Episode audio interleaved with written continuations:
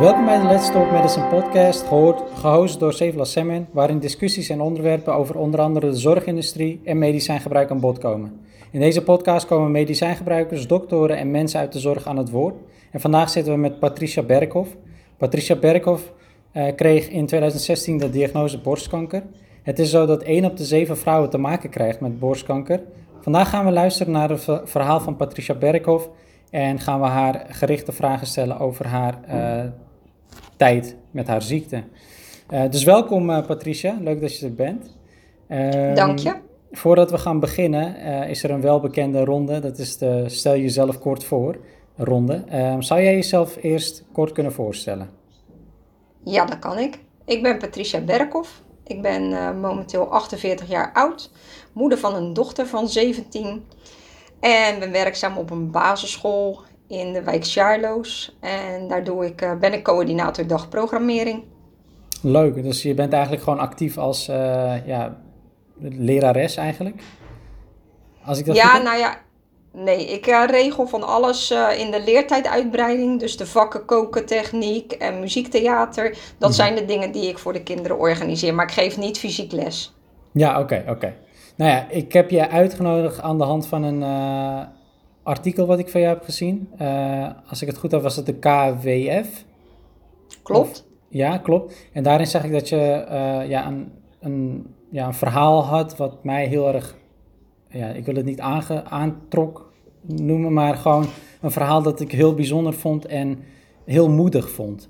Dat is denk ik het, de juiste benaming daarvoor.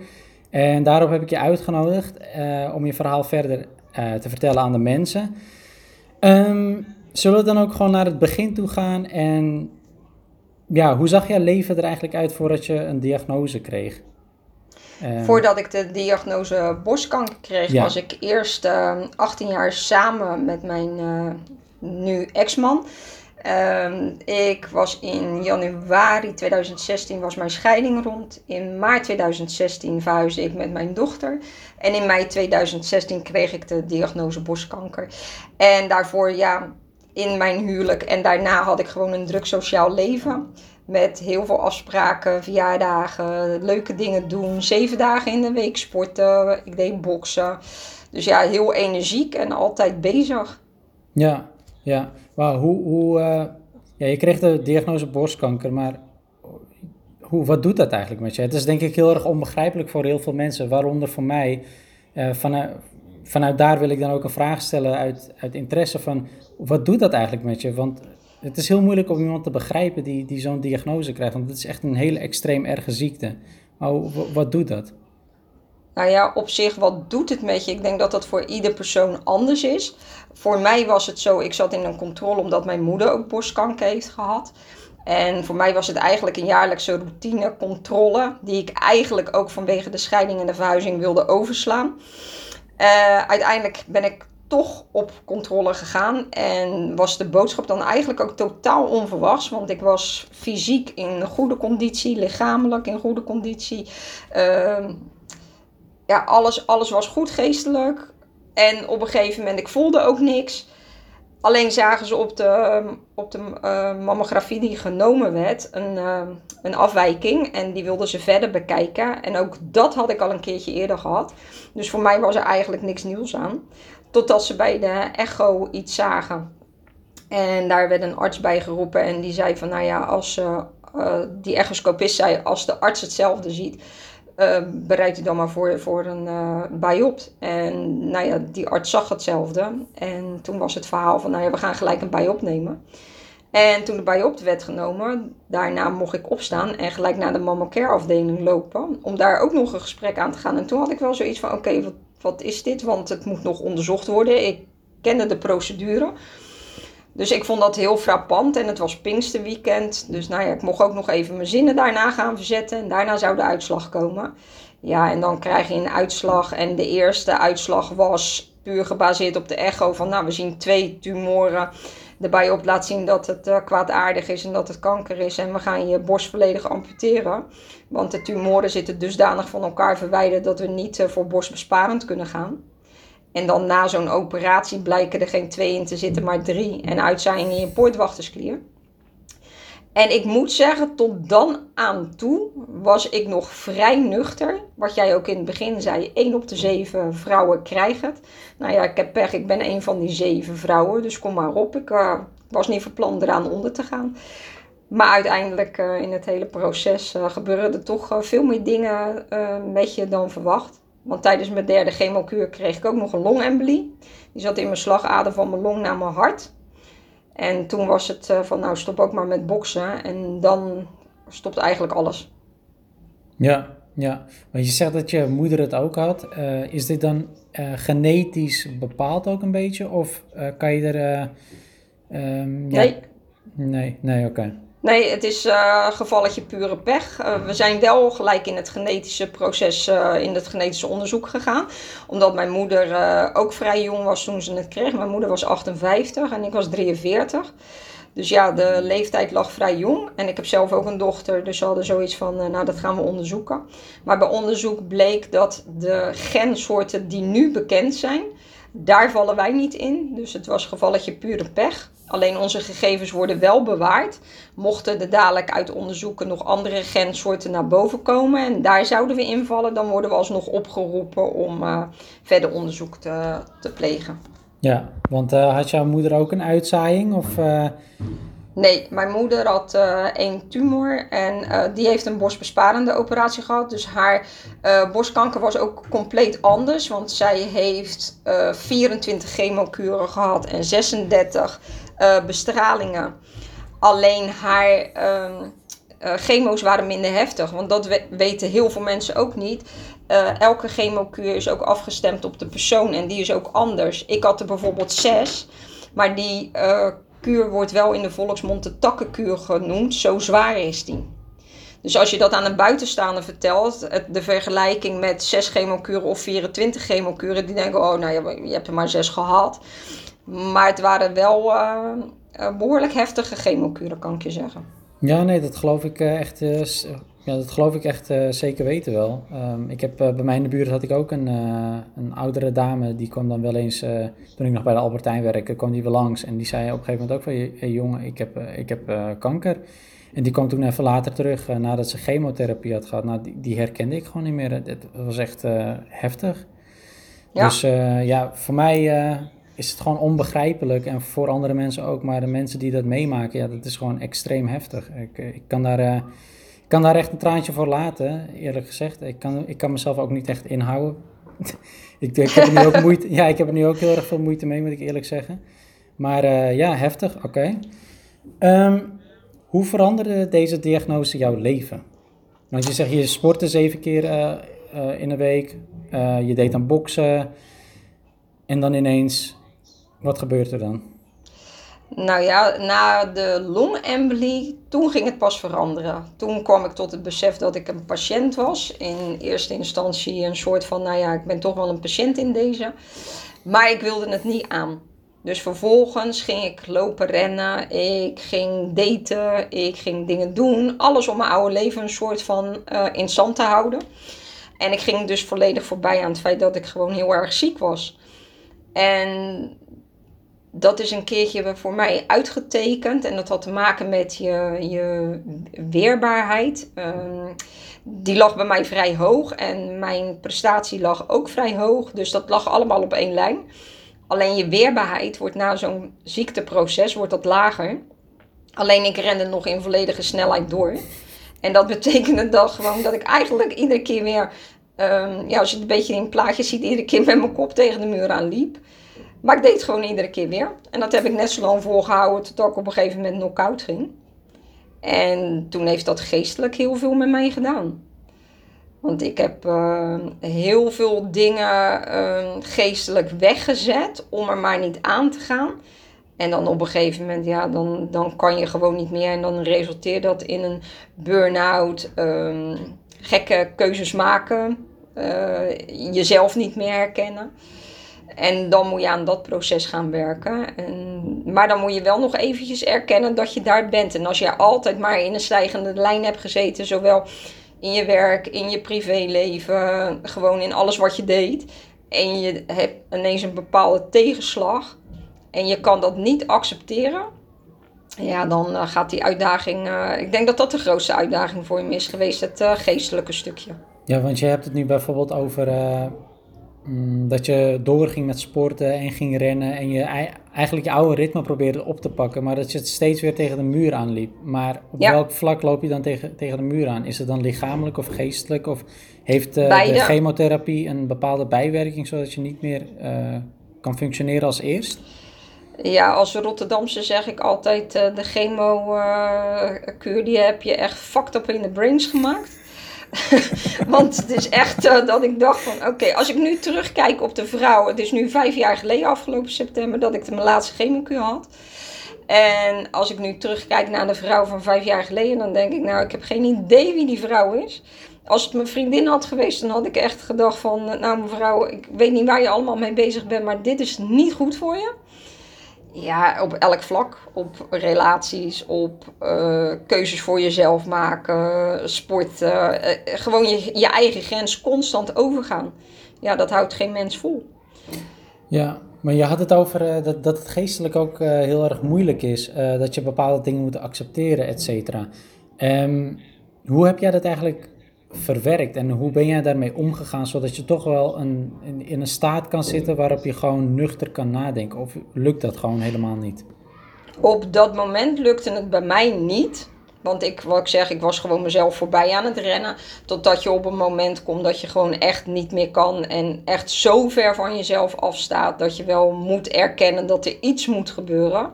Ja, en dat proces is bij mij heel langzaam gegaan.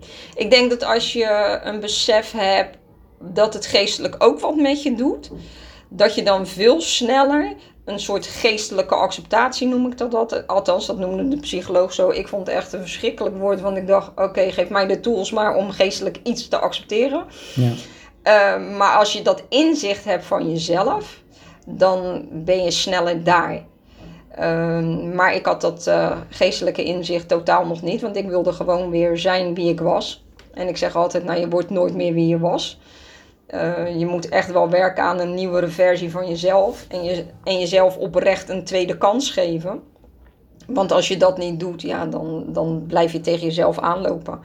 En dat proces is eigenlijk na vijf jaar, denk ik, bij mij pas op gang gekomen. En ik zit er nu nog minder in. Ja, dus jij hebt nog steeds wel, uh, zeg maar, mentale, ja, geestelijke moeilijkheden in je leven tot op, tot op heden? Of heb je dat compleet kunnen verwerken? Nee, ik heb nog steeds de uitdagingen om daar iets mee te doen. Ik heb, uh, uh, hoe heet dat? Ik heb mijn werk. Nou ja, dat, ik zeg altijd, ik heb een, een aantal ballen die ik hoog kan houden. Dat is mijn werk, dat is mijn gezinsleven, dat is mijn dochter en, en ik heb een hondje. En mijn huishouden. En elke vierde bal die daarbij komt, uh, dat is een extra belasting. En of dat nou een relatie is of dat dat iets anders is wat erbij komt. Maar op het moment dat er iets anders bij komt, ja, dan houdt het jong leren met drie ballen houdt op. Want die vierde bal, het gaat er gewoon niet bij. Dus je moet keuzes maken. Ja, maar en dan. Had je Ja. dat voor je diagnose ook al? Of was het echt ontstaan na je diagnose? Na mijn diagnose, voor mijn diagnose kon ik denk ik wel tien ballen, met tien ballen jong leren, bij wijze van. Ja. Daar deed ik alles. Ik, eh, ik, ik was getrouwd, eh, ik runde het huishouden, ik had een kind, ik werkte ook op een school. ehm, eh, daarnaast deed ik nog allerlei andere dingen organiseren en doen. Ik was altijd bezig. Ja, en nu eh, kan ik dat gewoon niet. Dus je moet echt wel bewust keuzes maken met wat je doet. En ehm, ja, de mensen die er omheen staan, die moeten dat ook accepteren. Ook in vriendschappen. Want ik was altijd degene die alles organiseerde, die iedereen meenam. Van nou, we gaan dit doen. Oh, leuk, kom op, weet je. En nu merken ze dat ik wat afwachtender ben. Ja, dat, is ook, eh, dat is ook goed hoor, eh, dat je, dat je voor jezelf gaat kiezen natuurlijk. En ik denk dat je juist eh, in een situatie bent geweest dat je alleen maar voor jezelf moet gaan kiezen. Ehm, dus dat is wel een eh, wijze les wat wij ook als eh, luisteraars, maar ik ook kan meenemen. Dat, je, dat het heel belangrijk is dat je als eerst voor jezelf kiest en voor je eigen gezondheid. En daarna komt de rest vanzelf wel. Ja, klopt. Ehm, je had het over eh, dat je je heel goed voelde en dat je eigenlijk helemaal niet wist dat je überhaupt een tumor had. Eh, was dit dan ook echt out of the blue gekomen? Of voelde jij wel iets in je lichaam dat er iets aan het veranderen was of zo? Nee, voor mij kwam het out of the blue. Het enige signaal wat ik achteraf heb kunnen merken, was dat ik uh, veel afviel. Alleen omdat ik zeven dagen in de week bokste, linkte ik dat daaraan.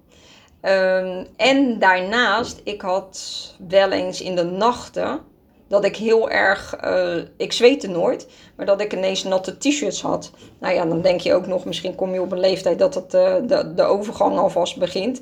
Dus dat schoof ik ook lekker opzij.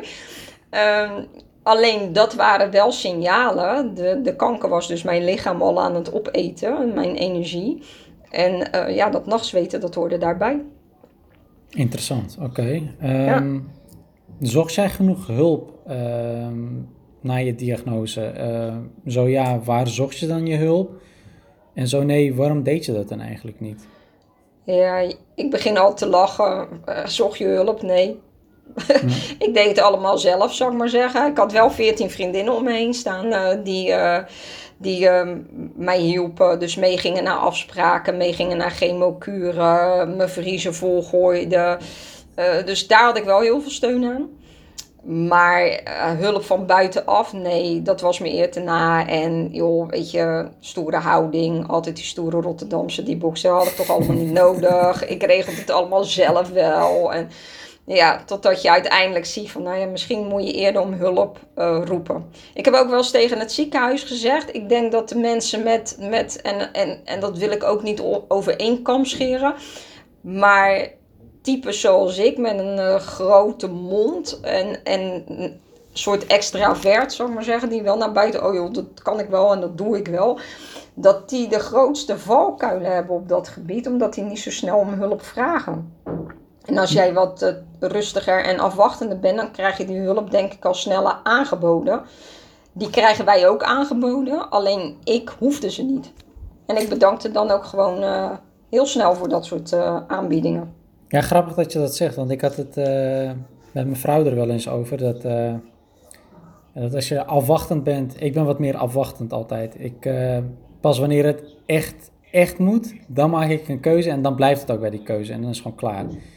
Op sommige vlaktes ben ik gewoon heel erg afwachtend, maar zij zei ook van ja, weet je, je hebt gewoon verschillende soorten mensen op, op, op de wereld. En de ene die is gewoon super extravert en die laat gewoon zien dat hij het zelf kan oppakken, waardoor de mensen denken die heeft geen hulp nodig. Wanneer ze hulp nodig heeft of hij hulp nodig heeft, dan vraagt hij het heus wel. Want hij of zij is niet bang. En dat is dus nou, wat alleen, door de mensen heen gaat. Alleen dat laatste, dat uh, trek ik dus in twijfel. Dan vragen ze het wel? Nee. Althans, als ik naar mezelf kijk. Mhm. Want uh, de houding van ik regel het zelf wel en ik kan het allemaal zelf wel. Ik denk dat dat een heel groot probleem is. Want uh, ook later ga je daar niet op terugkomen. Ja. En ik denk dat dat dus de grootste valkuil is. En ik heb dus eigenlijk vanuit het, tegen het ziekenhuis ook gezegd... dat zijn de mensen die je eigenlijk in de gaten moet gaan houden. Die moet je eigenlijk gaan monitoren. Ja, dat zijn de mensen die eigenlijk wel hulp willen... maar het liever afweren, zodat ze niet ten laste zijn van iemand anders. Ik denk dat ja, en ik denk dat, dat daar meer facetten achter zit. Kijk, weet je, elke patiënt is anders, elke persoon is anders. Maar sommige mensen, weet je, dat, dat in zich heb ik nu ook wel. Je komt ergens vandaan en je neemt een stukje geschiedenis met je mee. Ja, ik was van nature uit altijd een vechter geweest met alles wat ik wilde in mijn leven. Dus ook daarin had ik zoiets van, joh, weet je, ik, ik, ik doe dit gevecht wel alleen. En ik red dit wel zelf. En de vriendinnen die om me heen stonden, die kwamen zelf hun hulp aanbieden. En die waren lang genoeg in mijn leven dat ik het ook accepteerde. Um, maar ik denk, alle extra hulp van buiten, ja, dat hoefde ik niet. Ja, ja. Heel interessant, echt. Uh, gewoon hier, hieruit kan je gewoon weer een heel nieuw gesprek voeren dat specifiek over dat onderwerp gaat. Dat is heel interessant. Um, maar wat ik heel erg belangrijk vind, is dat mensen met zulke extreme ziektes, dat ze ook met mensen erover kunnen praten. Had jij het gevoel dat je überhaupt met mensen erover kon spreken? Ja, ik kon er wel over spreken, zeker ook uh, met vriendinnen. Alleen op het moment dat je zelf het proces niet doormaakt, kan je nooit en te begrijpen wat er bij iemand gebeurt. En ik denk zelfs nog dat het per kankerpatiënt anders is. Want welke diagnose krijg je inderdaad? Ehm, ik, ik, zeg altijd: elke ziekte waarbij je weerbaarheid wordt weggenomen. Dus dat je zulke ingrijpende dingen meemaakt. Dat is eigenlijk allemaal vergelijkbaar. Alleen bij kanker hangt het woordje dood er vaak aan. Waardoor mensen zoiets hebben, ja, maar jij kon bijna dood zijn. Of, ehm, ja, weet je, uh, dat gevolg zou eraan kunnen zitten. En dan denk ik, ja, dat is zo. En dat, dat is een heel beladen woord. Alleen ik heb wel gemerkt, als ik in mijn omgeving kijk naar de mensen die bijvoorbeeld of in een heftige burn-out hebben gezeten, of chronische ziektes hebben, of door een ongeluk dingen meemaken. Op het moment dat je weerbaarheid naar beneden gaat, dus het leven wat je leefde anders is, je moet je daarin aanpassen en dat stukje geestelijke acceptatie, in hoever ben je daarin, daar zitten wel lijnen in die, die te vergelijken zijn. Ja. Althans, dus, zo uh, zie ik het, maar ik ben ook een leek. Nee, nee, nee. Uh, chronische ziektes zijn, uh, zijn gewoon echt uh, extreem erg aan het worden. En ik, ik denk dat elke ziekte die, zoals jij zegt, je weerbaarheid gewoon aan het aantasten is. En zoveel ingrijpende maatregelen nodig zijn om jou op de been te houden. Ja, dat verandert je als persoon gewoon heel erg. En die ziekten zijn gewoon allemaal heel erg. Um, en daar kan je gewoon niet omheen gaan. Um, ja, het, het, lijkt me gewoon echt super, super moeilijk. En ook zoals je zegt van ja, er is eigenlijk Terwijl ik met jou spreek, kan ik jou alsnog niet begrijpen. Dat probeer je wel door vragen te stellen en te bekijken van oké, hoe voelde zij zich, wat gebeurde er. Dan probeer je iemand te begrijpen, maar die kan het eigenlijk nooit begrijpen. Want dat, dat is een stukje geschiedenis die jij meeneemt. En uh, dat kan soms wel eens lastig zijn hoor, om met mensen erover te gaan spreken. Nou ja, dat klopt. Want uh, veel mensen, zeker nu ook, omdat je vijf jaar verder bent, uh, mijn haar is weer gegroeid, weet je. En dan zeggen mensen, ja, je ziet er toch weer goed uit. Uh, dat is geweest. Zelfs mijn dochter zegt wel eens van, uh, ja, ma, ik had vorige week ook pijn in mijn been. Hoor je me nu toch ook niet meer over? En dan denk ik, ja, heerlijk, weet je, die nuchterheid. Alleen uh, het heeft wel gevolgen um, voor je moeheid of wat dan ook. En af en toe komt het naar boven. Of dat je denkt, oké, okay, nou ja, best wel heftig geweest wat je toen hebt meegemaakt. Alleen het stukje, en dat is wat ik haar mee heb gegeven. Um, ik, ik, ik, herken een soort mini-me in haar. Um, ja, wees geen slachtoffer. Wees geen slachtoffer van je eigen verhaal. Uh, kom op, je moet door het, de, eh, de dood hoort nou eenmaal bij het leven. Bepaalde dingen horen bij het leven. Je kan erin blijven hangen of je kan doorgaan. En dat is wat ik haar meegeef. En dat is wat ik eigenlijk ook mezelf uh, uh, moet voorhouden. Natuurlijk, af en toe loop je weer tegen jezelf aan. Alleen nu heb je wel de handvatten om daarmee om te leren gaan. Heb jij jezelf zien groeien in dat opzicht? Dus dat, je, dat het leven gewoon doorgaat en dat je moet doorgaan en door moet gaan met wat je aan het doen bent. En ondanks de tegenslagen, weet je, dat je jezelf sterk moet blijven houden. Heb je dat extra geleerd in dit hele proces? Nee, die instelling had ik altijd al.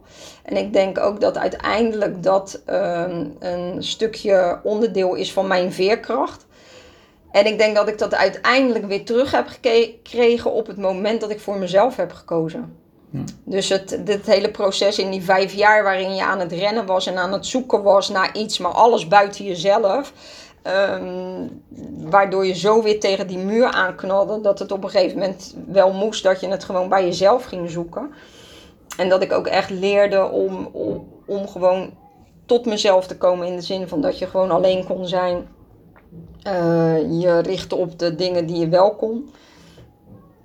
Ik denk dat dat uh, mij het beseffen uh, dat, dat dat hetgene is waardoor je zoiets hebt van oké, die kracht had je altijd al in je zitten, want dat kan je niet ineens ontwikkelen. Uh, althans, dat idee heb ik. Dat, dat het wel weer terug is gekomen in die zin. En ik zeg altijd maar ja, het is een soort van nieuwere versie. Uh, ze noemen dat ook wel eens 2.0. Ja, zo zie ik het maar. Ik ben een nieuwe versie van mezelf. En ook, ook de mensen die je wel eens hoort zeggen van ja, kanker, het heeft me mooie dingen gebracht. Nou, in het verleden dacht ik echt, in die afgelopen vijf jaar dacht ik echt van even serieus, ik weet niet wat die mensen allemaal zeggen.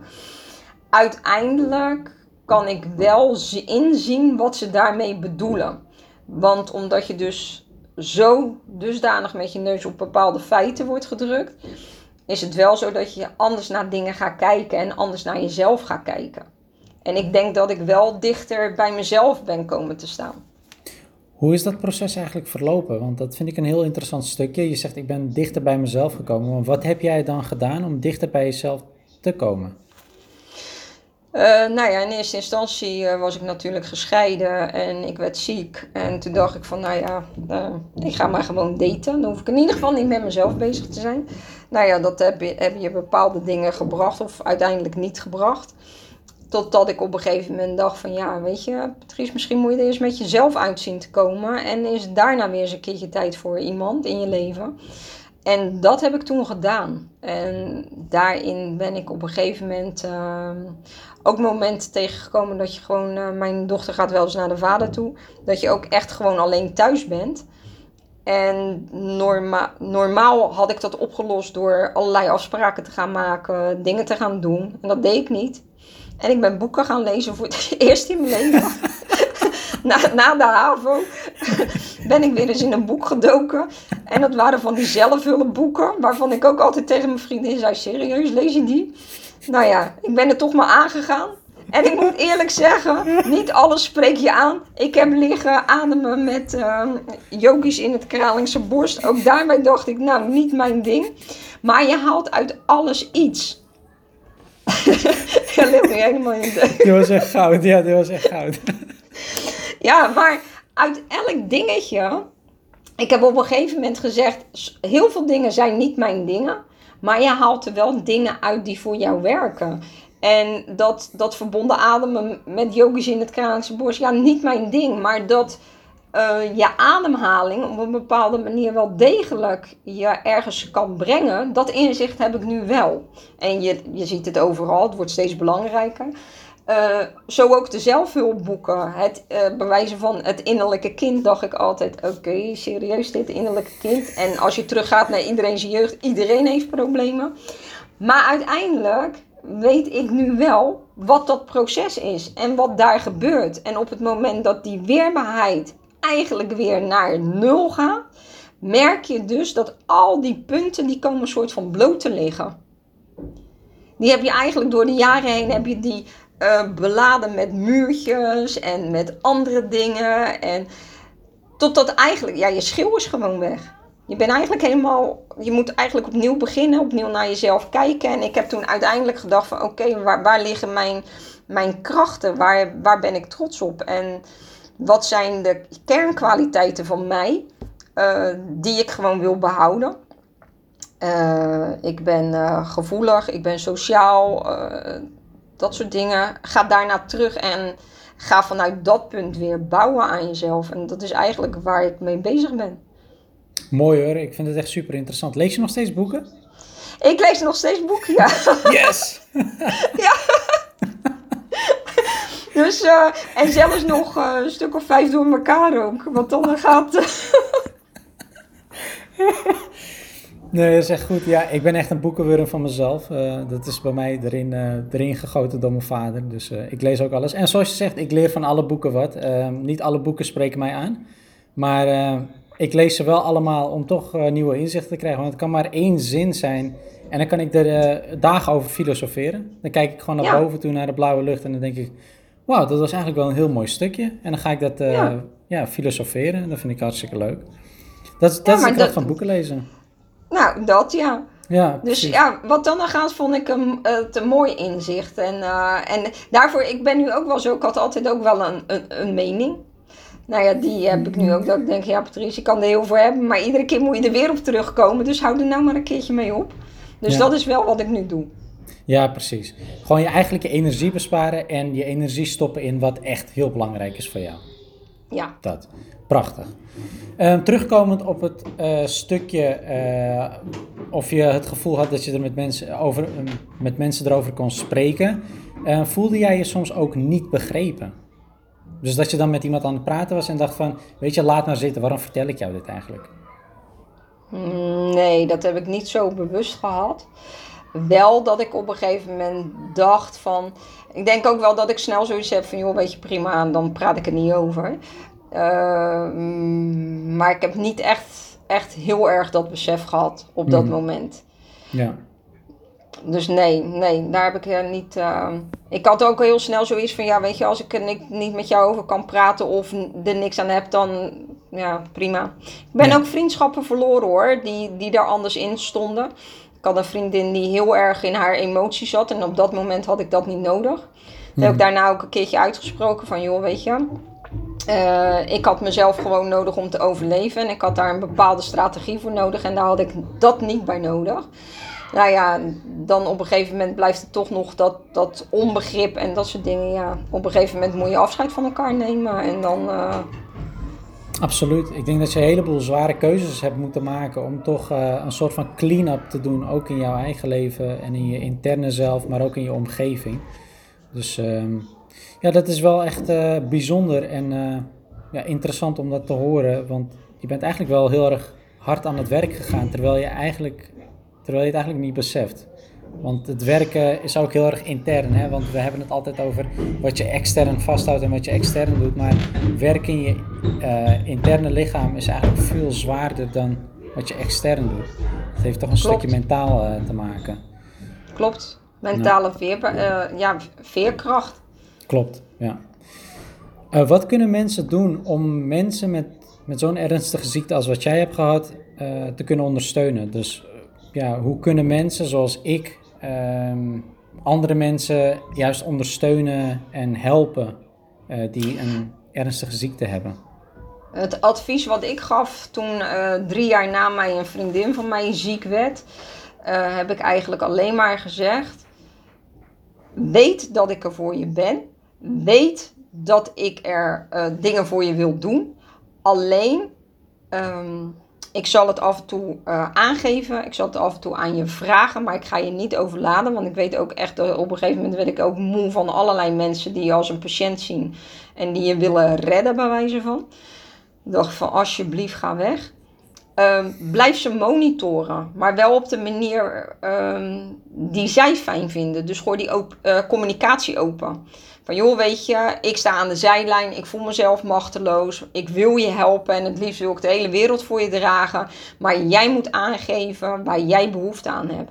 En ik zal echt wel, ik, ik ga je ook niet uh, helemaal skippen, want dat doen mensen natuurlijk ook uit angst uh, van, oh nou ja, daar zit ze niet op te wachten.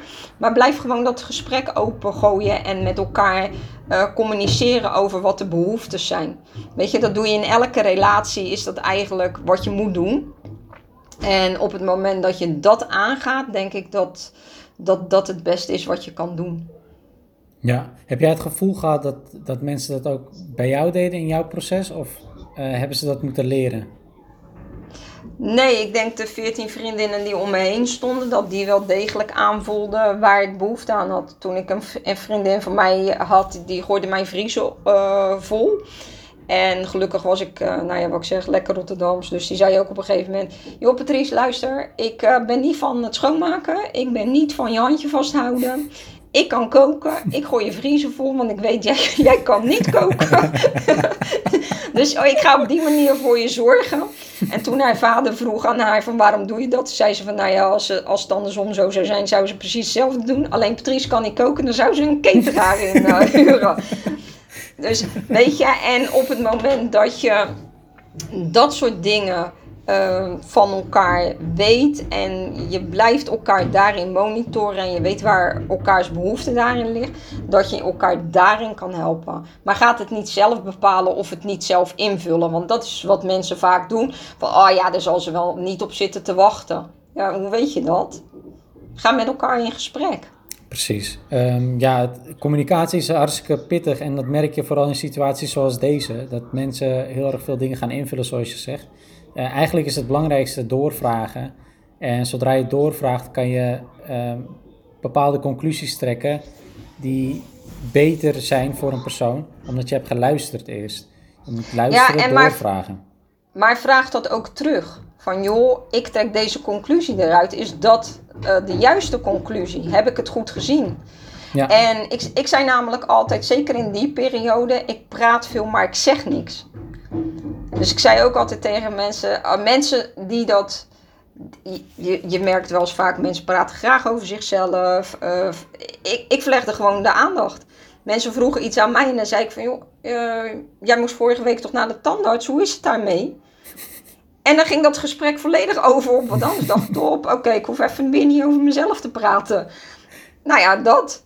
Ja. Blijf dus monitoren, blijf kijken hoe beweegt iemand, hoe doet iemand. En als je dat in de gaten houdt en je houdt die communicatie open, ik denk dat dat hetgene is wat je het beste kan doen. Ja, mensen geven on, onopgemerkt, geven ze eigenlijk al een beetje signalen van hoe ze zich eigenlijk voelen. Ja. Um, ja, en dat is heel belangrijk om dat te leren herkennen uh, bij iedereen. Het maakt niet uit hoe het met iemand gaat. Als iemand zegt dat het goed gaat, kan het ook heel slecht met diegene gaan. Maar gewoon de patronen, patronen monitoren en zien hoe ze eigenlijk reageren op bepaalde vragen.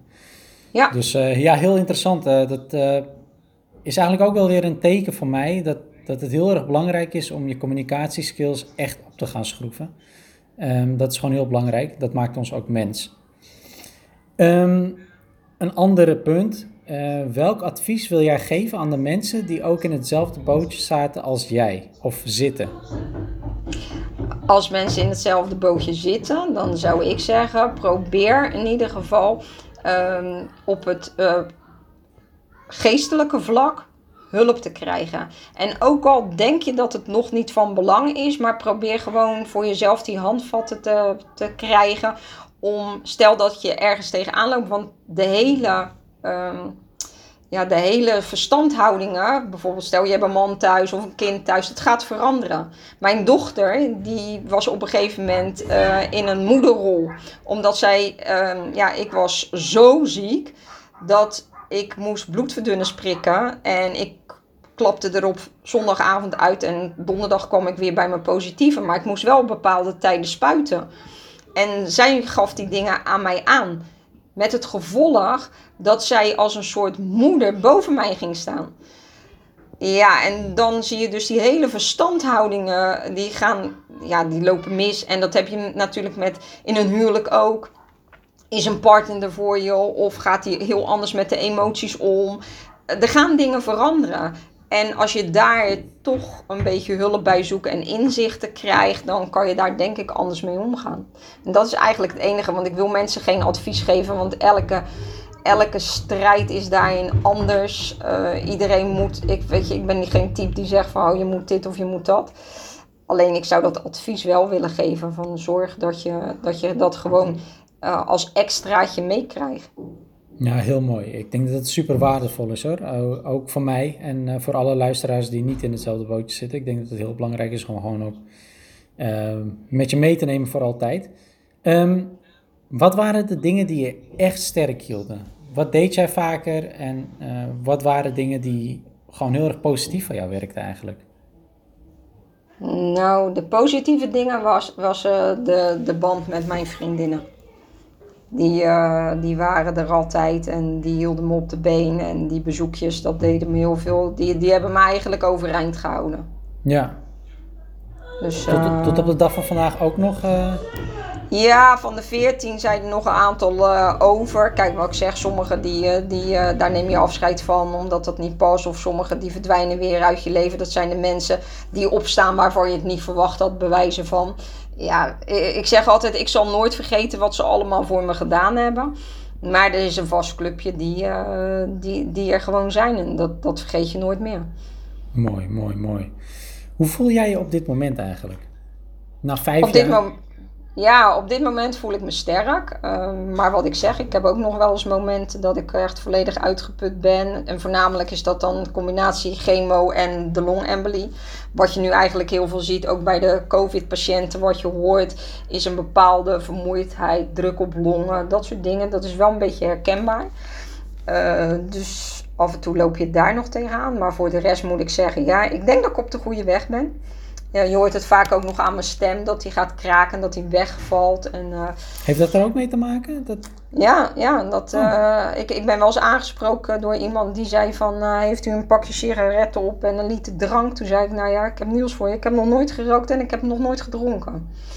Ik zeg maar, zes chemokuren doen ook wel aardig wat. En toen Zo, zag je ja. hem schrikken. ja, toen zei ik van, nou ja, misschien de eerstvolgende keer als je een mening geeft, denk even na. Ja, ja. Dus, uh, maar dat zijn dingen die, die, die, die bijkomstigheden. Als ik moe word, dan gaat mijn stem kraken. En dan, uh, dus, maar voor de rest, ja, ik, ik ga door en ik voel me geestelijk sterker. Maar ik zeg wel altijd bepaalde dingen. Ik, ik zeg altijd, ik ben van zeven dagen boksen naar uh, Nederland in beweging gegaan. Bij wijze van. En ik ben van nooit ziek, want ik was 43 jaar echt nooit ziek. Ja, een keertje hoofdpijn. Naar hypochonder. Dus elk dingetje wat ik nu voel, of dat nou pijn je teen is of wat dan ook, dan is het altijd van oké, um, zou het uitgezaaid zijn? Zou het nu in mijn botten zitten? Zou het nu in mijn longen zitten? Dus je bent constant daarmee bezig. Je hebt een bepaalde angst ontwikkeld. Ja, ja. Wat is jouw missie eigenlijk? Uh, mijn missie is uh, ja, de betere versie van mezelf te worden. Elke dag weer uh, een stukje beter.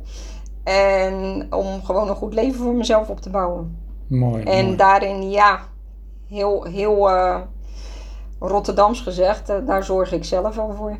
Je, bent je bent wel een trotse Rotterdammer, zie ik. Ik ben een hele trotse Rotterdamse, ja.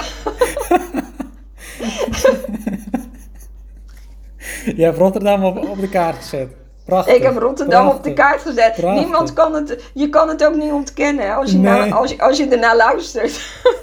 ik zou best wel eens een keertje een extra thee er doorheen gooien. Of eh, geen extra thee. Dat willen we ook nog wel eens weglaten. maar je krijgt ze er gratis bij. Yes! ja, ik als Almere begrijp daar helemaal niks van. ja. Nou, de laatste, maar niet de minst mooie vraag. Ja, tenminste voor mij.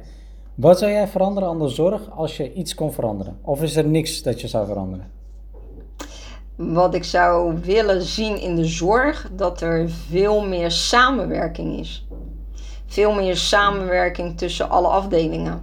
Want bijvoorbeeld, eh, ik geef maar één voorbeeld aan hoor, maar met mijn borstamputatie. eh, een jaar later ging ik eh, plastische chirurgie doen voor een borstreconstructie. En toen gingen ze een tissue expander plaatsen. En dan vervolgens hoor je de, de plastisch chirurg zeggen van ja weet je, ik had eigenlijk meer huid willen hebben. Dus dat de chirurg die de operatie deed van de amputatie meer huid had overgelaten. En dan denk ik, ja, jullie werken in hetzelfde ziekenhuis. Ehm, geef dat aan, weet je. Van, nou ja, je hebt zo'n patiënt, eh, dit wil ik dan, of wat dan ook. Kijk naar eh, oorzaak-gevolg. Eh, als we dit doen, niet iedereen kiest voor een bepaald iets, maar kijk wel naar wat zou er kunnen gebeuren. Denk vooruit en ja, ga daarop eh, inspelen. Ja, heel mooi. Echt heel waardevol. Vooral dat stukje samenwerking, et cetera. Ik, ik vind het super waardevol. Ja. dan ga ik niet langer van je tijd opnemen. Dan wil ik je heel erg bedanken voor dat je er was. Ik vond het oprecht bedankt. soms heel erg moeilijk om, eh, om in te komen in het gesprek. Ik vind het heel erg lastig. Ehm, Je hebt het ik- goed gedaan. Ja, ik vond het, ik vond het echt geweldig leuk eh, uiteindelijk. En ja, ik moest mezelf even erin krijgen. Maar ik heb onwijs veel respect voor je. Weet dat gewoon echt serieus oprecht. Daarom dat ik je heel graag zou willen spreken. En eh, bedankt. Jij ook bedankt.